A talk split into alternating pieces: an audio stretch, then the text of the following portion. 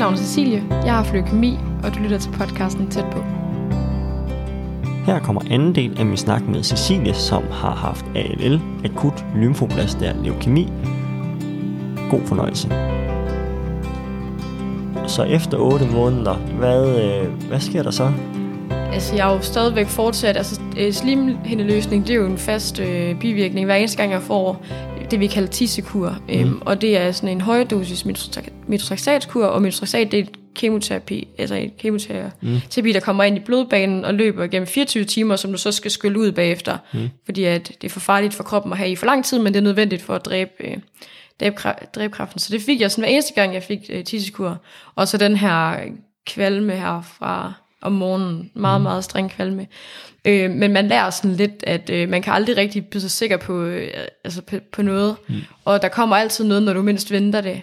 Også altså selv helt til slut i mit forløb, da jeg havde, øh, der havde, jeg tror jeg havde en måned tilbage, eller sådan noget, øh, hvor man egentlig tror, at nu er den home safe, jeg er lige ved slut, altså målstregen, nu kan der ikke komme noget, og så kan man bare få feber ud af det blå. Og det skete også for mig. Og vi tog den ikke rigtig seriøst, den der feber der, eller jo, jeg var inde, men jeg vil, vi var nemlig, min farmor og farfar havde inviteret til, um, til bryllup, de havde sådan holdt bryllupsdag, og det var ude i et sommerhus og sådan noget, så jeg ville jo bare gerne være der sammen med familie, så jeg skød den lidt hen, som om det ikke var noget alvorligt, indtil den her feber, den bliver jo bare højere og højere og højere, og så bliver du nødt til at gøre noget ved mm. det. Og der finder vi så ud af, at selvom der var så kort til målstregen, og alligevel så skal jeg så indlægges, mm. øhm, hvor de så ser, at jeg har fået sådan nogle fenomesyster på lungerne, mm. og som er en svampeinfektion, øh, som havde øh, altså angrebet hele min, altså begge mine lunger. Ikke? Øhm, så der, øh, jeg var indlagt stort set lige til det sidste. Så øh, man kan aldrig være helt sikker. Der kommer altid en eller anden bivirkning. Så de der, hvad skal man sige, fra 8 måneder til øh, sidst, der, øh, der, øh, der går dagen egentlig bare, altså hverdagen kører egentlig bare med kemoterapi og behandlinger yeah. og sygehusbesøg. Og, ja, øh, ja altså det, det er jo ikke til at huske sådan fra A til B. Øh, men ja, altså det kører meget sådan stringent, øh, og så kommer der en gang imellem selvfølgelig nogle ting, der gør, at noget bliver lidt sat på pause, og hvis ens tal ikke er god nok, så bliver det skudt lidt og sådan mm. noget, men ja, ellers så går dagene med det. Med det. Blev dit liv sat på pause? Ja, i de der to og et halvt år? Ja, det vil jeg jo mene, fordi at, altså, da jeg startede, der havde jeg jo en vennekreds, og da jeg sluttede, der havde jeg en helt anden vennekreds. Altså fordi, at øhm, mit liv blev sat på pause, mens mine venner også fortsat. Øhm, så de glemmer lidt mig. Øhm, også fordi, at det er, der, jeg var jo 17 år, og det er jo en tid, hvor man Altså jeg gik på gymnasiet, og det der følger med gymnasietiden, det er jo fester, og det er venner, og det er arrangementer, og det var lige sommerferien også. Så det var et rigtig dårligt tidspunkt i forhold til, at folk havde for travlt til sådan at huske ja. en. Men det gjorde mig ikke noget, for jeg var også for syg, for, altså for syg til overhovedet. Og, og kunne deltage. Ja. Øhm, men som dagene så går, og jeg jo ikke rigtig har noget bidrag mere, når jeg kommer for eksempel i skole, så det der bliver snakket om, det er, hvad der er sket til fredagscaféerne, og hvad der skal ske. Mm øhm, nu hvor der kommer festival eller sådan noget, noget jeg ikke ville kunne deltage i. Øhm, så jeg tror bare, at de venner, jeg havde på daværende tidspunkt, deres mindset og sådan mål i livet var et helt andet, end det jeg lige pludselig var blevet stillet over for, hvor det var nogle helt andre ting, der sådan betød noget. Øh, så jeg fandt jo lige så stille de venner, jeg sådan virkelig kunne sådan rely on, sådan Ja, stole på. Ja, stole på, og dem, der virkelig var der for mig, og så dem, der egentlig bare det var bare sådan lidt pynt, de andre, mm. ikke? Øh, mm. men hvem jeg virkelig sådan, og så møder man jo også øh, en masse mennesker gennem sådan et forløb, hvor man sådan, mm. altså, hvor man har lidt mere til fælles med, ikke? Øhm. Når du siger mere til fælles, hvad, hvad, ja. hvad, hvad, hvad gjorde det så for dig, at I havde mere til fælles, og hvad var det, I havde til fælles? Jamen, altså, jeg mødte jo faktisk flere øh, igennem det her kraftforløb. Øh, efter de seks måneder, hvor jeg havde det rigtig skidt, så øh, havde jeg også selv mere energi til at, sådan, at øh, komme ud på for eksempel stuen og møde andre i samme situation. Øh, hvor vi så også, øh, jeg tror et år inden, får vi sådan tillæst en unge ambassadør. Øh, Børnecancerfonden øh, havde givet nogle penge til, at der var en, der kunne holde noget socialt for unge. Fordi når man er indlagt som unge, så er du meget sådan fanget mellem sådan legoklodser og kabisser, ikke? Fordi det er gamle, og, altså det er gamle mennesker og børn, ikke? Øh, ja. Men øh, der er jo ikke så mange unge, heldigvis, der bliver syge. Det er mm. meget sjældent, at et ung menneske får kræft. Øhm, men der er desværre nogen, og lige da jeg bliver syg, der er der mange i samme alder, faktisk, og det er også meget, det er ikke noget, man ser sådan. Mm. Så hun samlede os, og vi kunne så snakke om, øh, hvad der var træls ved at få Movicol som er afføringsmiddel. Ikke? Ja. I stedet for, når jeg kom ind på skolen, lige snakkede om, at matematik, det var noget af det værste hele livet, og at det kunne bare sidde og græde til klokken 3 om natten, fordi jeg synes, det var så svært, hvor jeg bare sådan, der var jeg nok ikke længere, for jeg synes, at okay, hvis matematik det er så slemt, at du kan græde så meget, så skal du være glad, for så har du ikke oplevet noget, der er hårdt her i livet. Mm. Øhm, så det var rart at finde nogen, hvor det var, at det var livet, der var i fokus, så ikke alt sådan noget ligegyldigt. Ja nu, ja, nu siger du ligegyldigt, fordi hvad gjorde den kontrast? Gjorde den noget for dig? Fordi det er to øh, kæmpe kontraster, at, Ja. at det, der fylder for nogen, Ja. er øh, matematikteam, at det er bare Ja, øh, træls. Men, Ja. men for dig var det at overleve fra time Ja. til time. og jeg, det værste, jeg forstår godt folk, øh, fordi det er også, fordi man ikke har heldigvis har prøvet noget, der er værre, ikke? Så jeg forstår godt, at det kan være verdens undergang, at man har fået et firtal, men hvor jeg sådan bare må sige, at det er mega fedt, du har fået et firtal, det er gået meget værre, og du skal bare være glad for, at du overhovedet altså er her til at få det firtal, mm. ikke? Øhm, så det er en kæmpe kontrast, øhm, men øhm, altså jeg forstår godt, at folk kan være trætte af det, trætte af, altså sådan, hvad jeg vil kalde små problemer, men der bliver man også bare sådan, der var jeg i hvert fald i en situation, hvor man bliver nødt til at, sådan, at være glad for, altså ja, det kunne altså have været meget værre. Blev du stødt over? Når, Nej, jeg, blev, sådan- jeg er egentlig aldrig blevet stødt over det. Jeg har egentlig bare sådan været glad på deres vegne over, at hvis det er deres største problem lige pt, så har de det meget godt. Okay. Så klarer de det egentlig godt. Mm. Øhm, så jeg er, egentlig- jeg, jeg er ikke rigtig stødt over det. Jeg, jeg tænker bare, hvor må det være dejligt, mm. at et firtal kan være hendes, altså verdens undergang for hende, fordi For mig er det, for mig er det noget helt andet. ja. Ja. Øhm, jamen så oprinder dagen egentlig, hvor at, øh, at der er gået to og et halvt år, Mm-hmm. eller tiden kommer i hvert fald nærmere, og du begynder Ja. at få det her feber her til. Ja. Øh, hvad, øh, hvordan var den dag, hvor at, øh, det ligesom slutter? Det var jo en stor dag, og noget jeg jo havde set frem til meget længe. Øhm, jeg havde fået datoen for, hvornår jeg var færdig, øh, faktisk lige inden min fødselsdag. Jeg har fødselsdag i august. Mm. Øhm, så i august, der, der finder jeg for at vide 27. maj, nej, 27. november, slutter, 27. november, der øh, skal du tage den sidste dosis, og så er du egentlig færdig. Rask. Ja. Eller, Ja, ja, og så øh, vi havde arrangeret, min familie og jeg, at vi havde inviteret alle, der sådan havde været der for os øh, under forløbet. Mine forældres venner, og øh, min lillebrødres venner, og mine venner.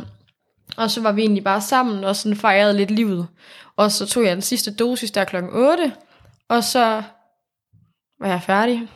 Meget ambivalent, sådan. Mm. Det var øh, en rigtig altså en glædens dag, men det var også super underligt at forholde sig til, at det var sidste gang nogensinde, altså Mm. 7, 9, 13. Ja.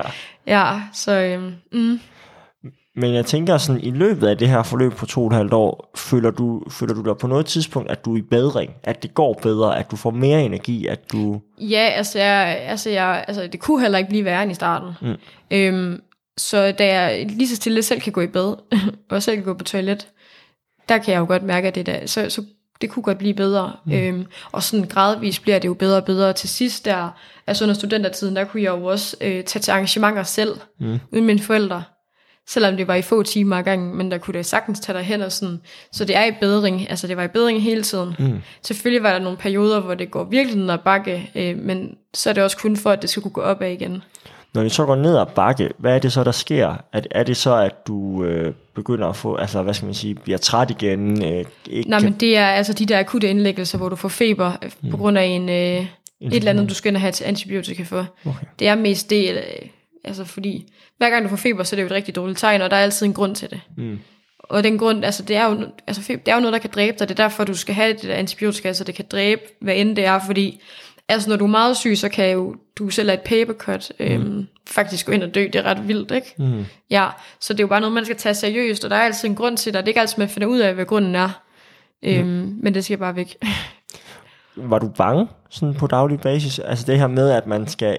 Altså det er ikke at gå og leve i frygt for at blive syg, men mm. alligevel sådan... Altså nu beskrev du det her til at starte med, med at du på bagkant øh, blev nervøs for ham manden, du lå på stue med. Altså Ja. lige da du får det at Ja. vide.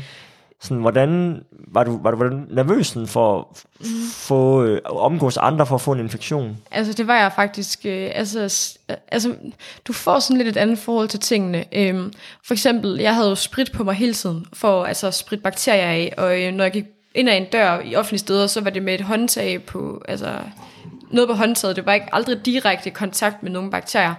For det mindset får du bare, fordi altså, det kan potentielt gå hen og smitte dig med et eller andet. Og jeg tror, jeg lige kan relatere det sådan, folk har det nu med corona.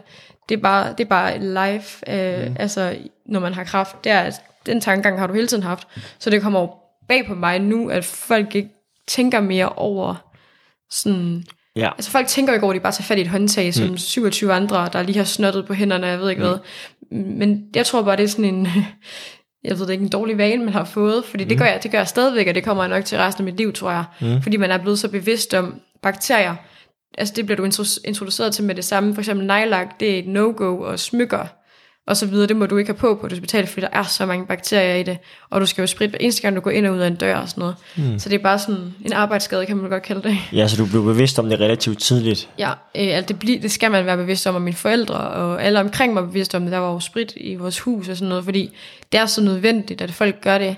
Og for eksempel offentlig transport, det var slet ikke en, en mulighed for mig, fordi der sidder man tæt, og man ved ikke, hvad der kan være rundt omkring, så Ja, altså det var ikke en, jeg havde ikke en frygt for det, det var bare sådan al min praksis for mig, at sådan gjorde man bare. Hmm. Ja. Så øh, jamen, efter to og et halvt år, så øh, bliver man erklæret rask på det tidspunkt? Du eller bliver kaldt færdigbehandlet. Du får faktisk, altså øh, de tager jo øh, sådan noget spinalvæske ud af din knoglemarv fire gange i løbet af dit forløb. Øh, der er et, og så jeg tror jeg, det er 74. Og sådan, de gør det undervejs for hele tiden at holde øje med, hvor mange procentdel af dit blod, der stadigvæk er, er sygt. Okay. Øh, men fordi man i dag ikke har præparater, der kan måle sådan, de kan ikke måle øh, sådan detaljeret nok, så kan man aldrig sådan 100% vide, hvornår det helt er væk. Okay. Det er også derfor, man har sådan forsket så meget i det, og har valgt to og et halvt år, det er den rigtige mængde. Fordi for eksempel første dag, jeg får den taget ud, der øh, var 95% af alt mit blod kraft.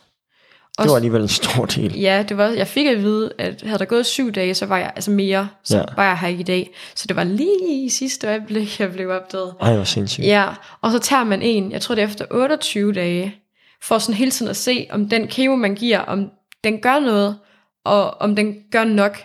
Fordi at på dag, jeg tror det, på, jeg tror det hedder dag 79, der øhm, er der en grænse for, hvad man skal være under, for at komme i en vis kategori. Der er noget, der hedder højrisiko, øh, intermediær, og så er der standard. Og, og hvad beskriver den, øh, de grupper? Ja, altså højrisiko, det er, hvis øh, der er for meget kraft tilbage i forhold til den mængde kemo, du har givet på den 79. Okay. Og det er så et indikation af, at de kraftceller, du har, de er stedige og skal have en sådan mere skrab form for kemoterapi, eller om det er en anden type celler, der skal have noget anden kemo. Okay, det, så det, bes, det beskriver... Um... Om du giver den rigtige. Okay, ja. ja. Og hvis du så er i intermediær risiko, så det, har den behandling, du har fået, heller ikke givet nok, og så skal du også skrue op. Og er du i standard, så er tallene under, hvad de ønsker, og det er mm. rigtig godt, fordi så er det den rigtige kemo og den rigtige mængde, og så bliver man sådan inddelt, hvor jeg så lå i den, der hed intermediær, hvor det var, altså øh, kraften var øh, blevet øh, mindre, altså de havde dræbt en masse, men de havde ikke dræbt nok, så jeg skulle så, altså, så det er sådan nogle forskellige skemaer, alt efter hvordan du klarer det. Hvor høj risiko er, hvis du skal have den altså, skrappeste behandling, mm. intermediær, hvis du skal have en sådan lidt skrabber, men... Ikke allerskrappest. Nej, lige præcis. Og vores standard, det er, hvis din krop tager mod behandlingen så godt, at den bare skal fortsætte. Ja, så det er sådan en, man kan sige, det, det her inddeling af grupper, det er sådan et stoppested, hvor man lige Kigger, vælger, hvor ja, skal vi gå hen nu? Lige præcis, og så har man lavet de tre der. Okay. Mm, hvor de langt flest, grund til den hedder standard også, fordi jeg tror det er 85% øh, af alle får den der standardbehandling, mm. fordi det er det, der sådan er normalen. Ja. Og så intermediær, hvis man skal have lige lidt mere, hvor høj risiko er, hvis din krop ikke har reageret godt nok. Mm. Så du bliver erklæret færdigbehandlet ja. på det her tidspunkt. Ja. Og øh, jamen, hvordan, hvordan øh, genstarter man sit liv, når at man... Ja, altså, det er jo naivt at tro, at man sådan bare dagen efter vågner og har det godt, for det gør man altså ikke. der går rigtig lang tid, og det, det får man også at vide inden, at selvom du får at vide, at den 27. november, der er du færdig, så er din krop jo ikke normal. Øhm, og jeg tror, øh, altså, det, det tager rigtig lang tid for kroppen at vende sig til at have det godt. Og det var faktisk først et helt år efter, hvor jeg sådan lige pludselig vågner en dag og sådan, Gud, det er sådan her, det føles at have det godt. Jeg havde helt glemt, at hvordan det var ikke at have hovedpine, og hvordan det ikke var at være træt og sådan, hvor det sådan går op for mig, okay, i dag, jeg har det godt. Øhm, så der går rigtig lang tid, og det gik endnu længere tid fra det, til min krop var sådan helt tilbage. Og det er jo først her for nyligt, at jeg sådan er begyndt at løbe igen. Altså, mm. Og det er altså, nu taler vi altså øh, to og et halvt år efter, ikke? Ja, efter du er øhm, færdigbehandlet. Efter jeg er færdigbehandlet, der går rigtig lang tid, og det, også sådan, jeg tror også, det er lidt det der med sådan psykisk, og skal sådan, okay, jeg kan godt bare gå ud og spille en fodboldkamp nu, og tons igennem. Så det er også, det er lidt psykisk, men det er også fysisk. Altså, øhm, mm. Men jeg vil sige, at jeg i dag er der, hvor jeg sådan føler, at min krop, den er tilbage til Hvad den var. før. Ja, faktisk. Hvordan føles det sådan? Og, altså, Altså, det er bare så vildt at tænke over, hvor syg man har været. Og så, altså, jeg tror aldrig i min vildeste fantasi, at jeg sådan nogensinde et, øh, havde tur håb på, at jeg ville komme til at ligne mig selv igen. To, havde tur håb på, at jeg ville du ved, få den fysiske formod, formåden, jeg også havde inden. Så det er, en, det er helt vildt at tænke tilbage på, at man egentlig kan sige, at man klarede det, og egentlig klarede det så godt, at man egentlig Altså, der er jo nok ikke mange, der kan se på en, at man har været syg. Mm. Altså, mindre man får det at vide. Så det, det er helt vildt at tænke over. Ja, man kan vende tilbage til et normalt, øh, hvad ja, der så er normalt øh, liv. Ja. Øhm, så hvis vi sådan spoler helt frem til i dag, øh, hvor man kan sige, at jamen, mellem i dag og så da du blev erklæret færdigbehandlet, der øh, har det måske handlet om den her kamp med at komme tilbage til hverdagen, og ligesom få nogle vaner igen, ja. og komme i en fysisk og psykisk øh, ja. forfatning, hvor man ligesom er, er glad for at være. Ja, lige præcis. Altså, da jeg bliver rest der i november, der, øhm, jeg færdiggjorde jo gymnasiet, der, det er jo der i juni, øh, juli måned, man bliver student. Øhm, og der var min plan, før jeg blev syg, at jeg skulle direkte på uni. Mm. Øhm, hvor jeg så lige hurtigt sådan, lige sætter foden ned i jorden og tænker, det skal jeg nok ikke helt. Jeg skal fokusere på at få det godt. Så jeg tager sådan et helt år, hvor jeg bare sådan, jeg får et job med 15 10, på 15 timer og sådan noget, hvor jeg altså stille og roligt start, øhm, og sådan forsøger at få det inkorporeret de der 15 timer, øhm, og i takt med, at jeg sådan får det bedre, så tør jeg sådan at tænke over at tage nogle flere timer ind, så jeg tror et helt år efter, øhm, så begynder jeg så at forsøge at få den normale hverdag, og få et, øh, få et fuldtidsjob, øhm, så har jeg noget at stå op til, og noget, og det var mega rart det der med at have noget at stå op til igen. Øhm, så det var mega fedt at få den der normale hverdag, inden jeg så tog skridtet, og så øh, søgte ind på uni. Så jeg tog lige to år for at få fuldstændig styr på mig selv, og øh, vaner og sengetider og ja, så øh, stille og roligt tilbage til normalt. Og sådan øh, uni, ja. går det godt? Og kan du mærke, ja. altså kan du mærke noget set i bagspejlet, som er efterladenskaber fra mm. dengang? Ja, altså, øh, altså sådan, i forhold til sådan fysisk, så altså, jeg har jo stadigvæk, man får det, der hedder kemohjerne, og ja, mit overblik, det er ikke, hvad det har været. Øhm, for eksempel hvis jeg har mange tekster, sådan, det der med at huske og skille fra hinanden, det kan jeg stadigvæk godt have svært ved, fordi ens hjerne, den, den, den skal lige have lidt længere betænkningstid. Øhm, men det er egentlig det i forhold til sådan, i forhold til, i forhold til alle de andre, øhm, og ellers er det mere sådan, i sociale sammenhænge, øh, igen det der med, når folk de føler, at de har det rigtig hårdt, hvor jeg sådan, jeg siger ikke så meget, men jeg tænker bare, så det, det er dejligt, det kun er det, der er galt. Øhm, så det er mere det, ja. vil jeg sige. Og så er der jo sådan for eksempel mærkedage og sådan noget, hvor man stopper, man ved godt, hvad dato det er, der er sket noget for nogle år siden, og det kan godt være lidt hårdt. Mm. Øhm, men det er ikke noget, jeg sådan taler, altså sådan, det er bare noget, jeg har med mig selv. Ja. Ja. Når du siger det her med mærkedage, hvad er det så? Er det omkring fødselsdag, eller hvad skal altså hvor altså, det, det sådan... øhm, Altså for eksempel, man mister jo rigtig mange gennem sådan et forløb, mm. øhm, og har været til rigtig mange begravelser af, øh, af mange unge mennesker, der, altså selvfølgelig, det er jo ikke alle, der overlever os, og det er oddsene desværre, selvom mm. de er rigtig dygtige lærerne, så kan de ikke øh, mm. trylle. Mm. Øhm, så for eksempel, altså det er jo dejligt øh, med ens iPhone, den viser gode minder nogle gange, mm. og nogle gange så er det altså ja. nogle trælse minder, okay. så det er alt, man kan sådan stå op, og man kan sådan, nå i dag, og så går man sådan ind, og så kan det være et eller andet minde fra ja. en dårlig episode eller et eller andet. Ja. Så det kan være sådan nogle ting, mm. og det påvirker selvfølgelig stadigvæk en. Og sådan specielt for eksempel maj måned, der er jeg altid sådan meget ramt, fordi jeg blev syg i maj måned, og min mor blev syg i maj måned, ja. og Liverpool tabte Champions League i maj måned. Ja, det er, der, er mange der ting. Der er mange ting i maj måned, så jeg hader faktisk maj, men det er også sådan det. Ellers så, maj er overstået nu. Ja, nu er maj overstået. nu er det bare fremad sommerferien her. Ja. Hvad med øh, fysiske øh, bivirkninger til dit forløb? Har du nogle af dem? Altså, ikke rigtig længere. Mm. Altså, jeg har lidt det der med sådan isninger i tænderne og sådan, mm. men ikke sådan ud over det. Jeg forsøger også, altså mine lunger, de, lige der til sidst, der var de jo meget påvirket. Mm. Men jeg forsøger, jeg er begyndt at løbe nu, for ligesom at træne det fuldstændig op igen, fordi de har jo ikke været op på sådan, mm. altså Nej. fuld speed siden, okay. men det er også fordi, jeg ikke har trænet det. Mm. Så er jeg lige så stille i gang med det, øhm, mm. og jeg føler, det er fint. Det eneste, jeg har, det er jo skavanker fra før kraft også, så det kan jeg jo ikke rigtig give den skylden for. Hvad så med, øh, hvis vi tænker psykisk? Mm. Øhm, fordi at jeg tænker igennem sådan et langt forløb, der sker der nogle, øh, hvad skal man sige, livsomvæltende ting, som ja. jeg tænker, øh, for mig i hvert fald, vil påvirke mig rigtig meget, øh, og påvirke den person, jeg er i dag. Hvad kan du sådan sige har, øh, har påvirket, eller hvordan har det påvirket dig psykisk at have sådan et langt forløb her, hvor der er stødt ja. nogle ting til undervejs? Øh, er, er der noget, du går og bakser med i dag, som, som er, er en bivirkning eller en eftervirkning af det forløb? Altså, jeg går med den her følelse af, at jeg sådan lidt har mistet to og et halvt år. Mm. Øhm, også fordi det var nogle år, hvor der skete rigtig meget. Øh, altså, det var min 18-års fødselsdag, øh, min studentertid. Øh, altså, der var så mange ting, som sådan normalt bliver mærket, altså sådan mærket og fejret på en helt anden måde, som jeg føler, jeg er på en måde gået glip af. Men jeg har det også bare sådan, jeg forsøger at sige pyt, fordi hvis man går og er ærgerlig og ked over alt det, du sådan kunne have haft, så er det bare sådan en ond cirkel. Så jeg forsøger sådan lidt at lade det ligge, men det er da, altså, når folk, de for eksempel, nu er det jo studentertiden, og man ser mange studenter, så man kan godt sidde med den der ærgerlige følelse over, at man aldrig rigtig fik det prøvet. Øhm, men det, altså, det er jo små ting, heldigvis. Øhm, men der er over perioder her, det er ikke så lang tid siden, der mistede vi også en. Øh, jeg faktisk var rigtig tæt med, og som jeg havde et rigtig, rigtig tæt bånd til. Og det er jo, der man, kommer man jo helt ned i køllekænderen, og det kan du godt gå med. Altså, det gik jeg med i lang tid efter, vi havde været til begravelse der. Bare den der uretfærdighed, du bliver ramt af, og tænker, og så, du tænker tilbage på alle de minder, man har haft, og, sådan, og så er det lige pludselig bare slut for vedkommende. Mm. Så det, det er rigtig hårdt.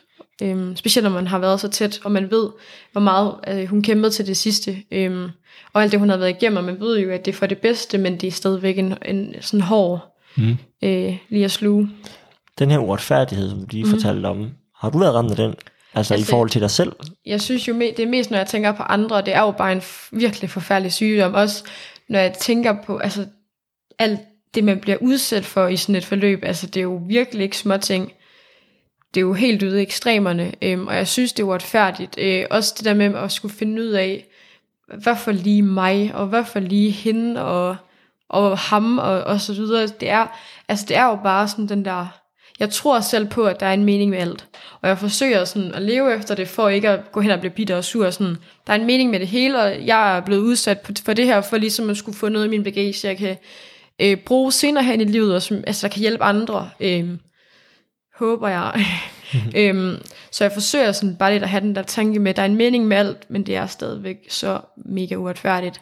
For, og det er mest det når vi mister folk, fordi jeg forsøger at få en mening med det. Det er for, at vi andre skal hmm. værdsætte livet mere og så videre, men jeg synes stadigvæk, det er uretfærdigt. Hvordan har du så vendt det, at du har fået den her sygdom til noget positivt? Øhm, altså, jeg forsøger jo hele tiden bare, hver gang jeg sådan bliver ked af det, eller sur over små ting, så sådan, og sådan træk vejret, og sådan, du er ikke der længere, og du har lært det her i den her situation, så derfor skal du ikke blive ked af så små ting, fordi mm. du har fået den her, jeg kalder det lidt en anden chance i livet på en måde. Mm. Øhm, fordi at man jo har, man har jo overlevet, ikke? Mm. Ja. Hvis du nu kigger tilbage på hele forløbet, mm. øh, nu har du lige beskrevet det her med retfærdighed, og, og det her med måske at kigge lidt anderledes på mindre ting. Ja. Øhm, er der så noget, det her forløb ellers har lært dig? Altså, jeg har jo taget rigtig meget med. Øhm, og det er også, altså lige for eksempel, da jeg blev syg, der var jeg jo de der 17 år på vej væk fra mine forældre. Sådan, øh, og sådan skulle være meget selvstændig, og det der med at flytte hjemmefra og sådan noget, ikke?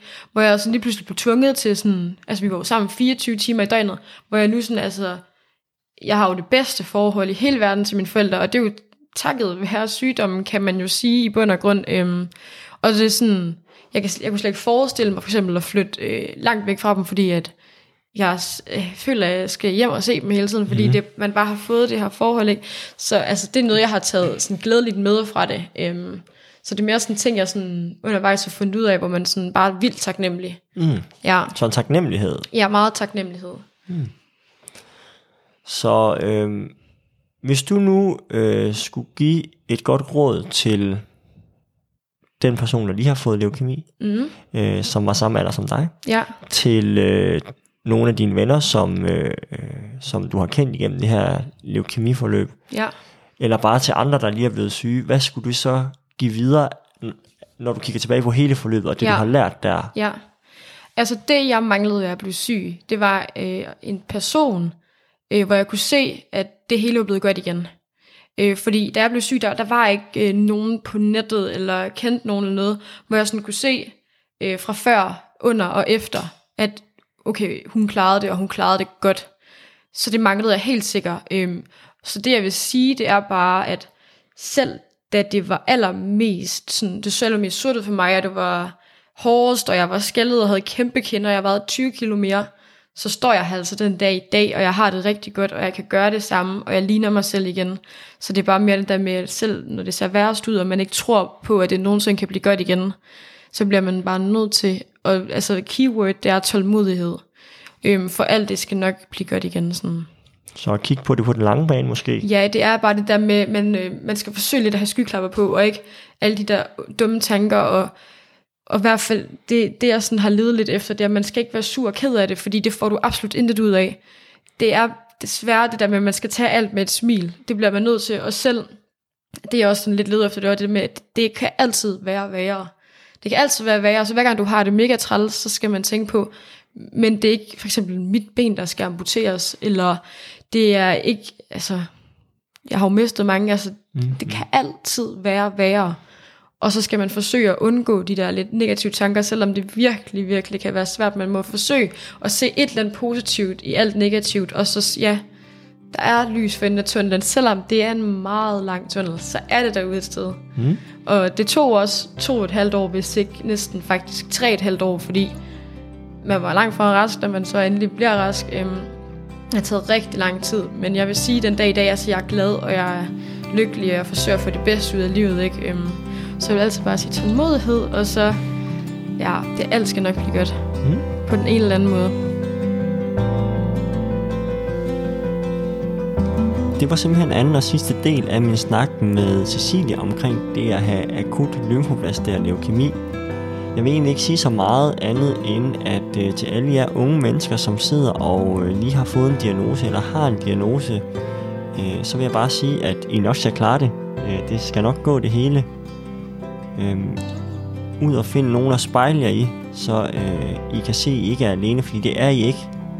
Der er øh, andre end, øh, end jer, der har øh, samme diagnose, øh, eller som fejler noget lignende, som vildt gerne vil, vil give ud af deres gode råd. Det er det, podcasten er til for. Øh, så jeg håber, at, øh, at I føler jer opløftet efter at høre det her afsnit her. Føler jer øh, med godt mod og har fået en lille bitte smule håb tilbage. Øh, hvis øh, håbet skulle være udlevet. Så jeg håber, at øh, I kunne lide det. Ellers vil jeg bare sige, at vi høres ved på næste mandag, hvor at øh, der kommer et nyt afsnit med en ny øh, person omhandlende en ny sygdom. Vi høres ved. Hej hej.